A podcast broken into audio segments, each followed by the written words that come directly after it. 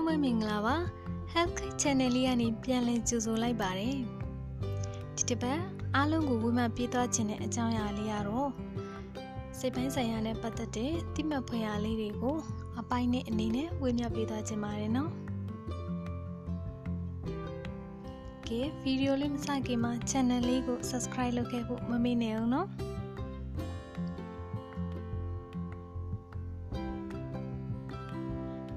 မြန်မာနိုင်ငံရဲ့တိုးရိုးမြို့မှာအလုံးချုံပြီးလေ့လာကြည့်မယ်ဆိုရင်လူတစ်ထောင်မှာ86ယောက်က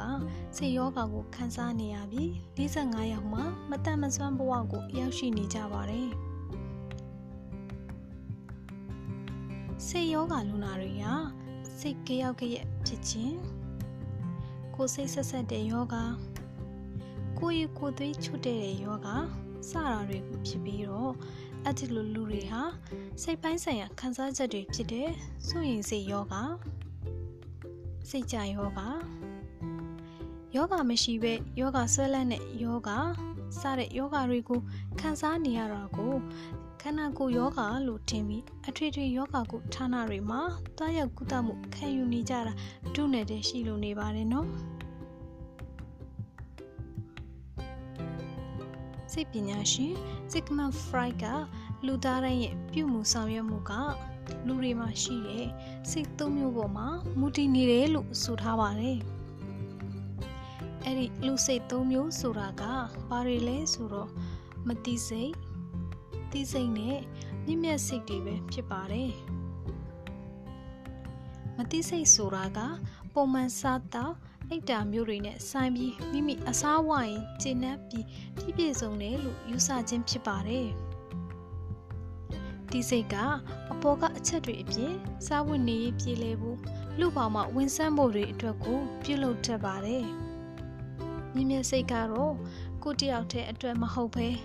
ကိုပဝင်းချင်း ဆွေမျိုးတိုင်းပြည်နဲ့လူမျိုးတွေကောင်းစားဖို့ကပြုလုပ်တတ်ပြီး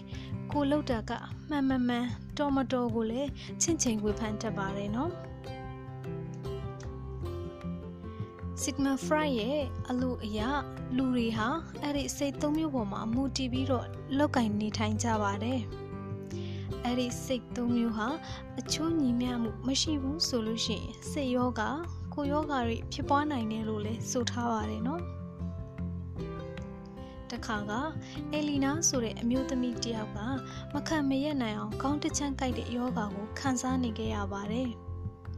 ဆရာဝန်တွေလည်းစုံပြီးဆေးလည်းစုံခဲ့ပေမဲ့ဘလို့မှမပြောက်ခဲ့ပါဘူးနောက်ဆုံးမှစိတ်ခွဲချမ်းကုသတဲ့ဆရာဝန်ထံသွားရောက်ပြသတော့မှပျောက်သွားခဲ့ပါတယ် အဲ့ဒီဆရာဝန်ကယောဂါကိုပျောက်အောင်ဘယ်လိုကုသခဲ့လဲဆိုတော့အလီနာရဲ့အတွင်းစိတ်တနည်းပြောရရင်မသိစိတ်ကိုခွဲခြမ်းလေ့လာရာကနေစခဲ့ပါတယ်။အဲဒါလို့ခွဲခြမ်းလေ့လာရမှာအယ်လီနာဟာဆီယာမတယောက်ဖြစ်ပြီးတော့ကျောင်းသားတွေကိုအကျင့်စာရိတ္တကောင်းဖို့အတွက်ရိုးသားဖို့အတွက်တွေကိုအမြဲပဲသင်ကြားပေးခဲ့ပါတယ်။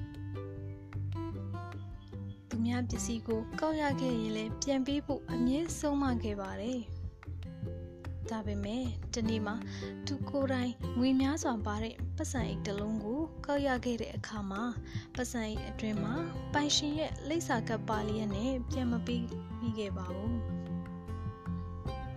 အဲ့ဒီကောက်ရတဲ့ပတ်စံတွေနဲ့အဝတ်အစားကောင်းတွေဝယ်ပွဲလန့်တဲ့ပင်နေတက်ပြီးပျော်ရွှင်နေခဲ့ပါတယ် နောက်ကြမှတတိယပြီးသူ့ရဲ့မတိစိတ်တိစိတ်နဲ့မြင့်မြတ်စိတ်တို့ပြိပခဖြစ်ပြီးယောဂရခဲ့ပါတော့တယ်ယောဂမှာစိတ်ရဲ့အခြေခံဖြစ်တဲ့ဥနောက်မှာရှိတဲ့ခေါင်းနေရာမှာဖြစ်ပြီးတော့ခေါင်းတစ်ချမ်းကိုက်တဲ့ဝေဒနာကိုစတင်ပြီးတော့ခံစားခဲ့ရပါတော့တယ်။ အဲ့ဒီအကြောင်းကိုဆရာဝန်က ရှင်းပြပြီးအစွဲကိုဖြုတ်ကောက်ရတဲ့ပတ်စံကိုပြန်ပေးခိုင်းပြီးစိတ်အားနဲ့ကုသလိုက်တဲ့အခါမှာအလီနာရဲ့ယောဂဟာပျောက်ကင်းသွားပါတော့တယ်။အဲ့ဒါလိုပါပဲ။တချို့တချို့သောဝေဒနာတွေကကိုယ်ခန္ဓာကဖြစ်နေတာမဟုတ်ပဲစိတ်ကြောင့်ဖြစ်နေတဲ့ဝေဒနာတွေလည်းများစွာရှိပါတယ်နော် ကြောင့်အားလုံးလည်းစိတ်ပိုင်းဆိုင်ရာနဲ့ပတ်သက်ပြီးတော့များစွာလေ့လာပြီးတော့များစွာသင်ယူထားဖို့လေအကြံပြုချင်ပါတယ်နော်ကဲဒီနေ့တော့ဗီဒီယိုလေးကိုဒီမှာပဲအဆုံးသတ်ခွင့်ပြုပါနော်အားလုံးလည်းကျင်းနေသက်လိမ့်မယ်လို့မျှော်လင့်ပါတယ်နောက်ပတ်မှာလည်းစိတ်ပိုင်းဆိုင်ရာနဲ့ပတ်သက်ပြီးတော့ ဘယ်လိုသိမှတ်ဖွယ်ရာလေးတွေကိုဝေမျှပေးသွားမလဲဆိုတာကိုအားလုံးလည်းစောင့်မျှော်ကြည့်ရှုပေးကြပါအောင်နော်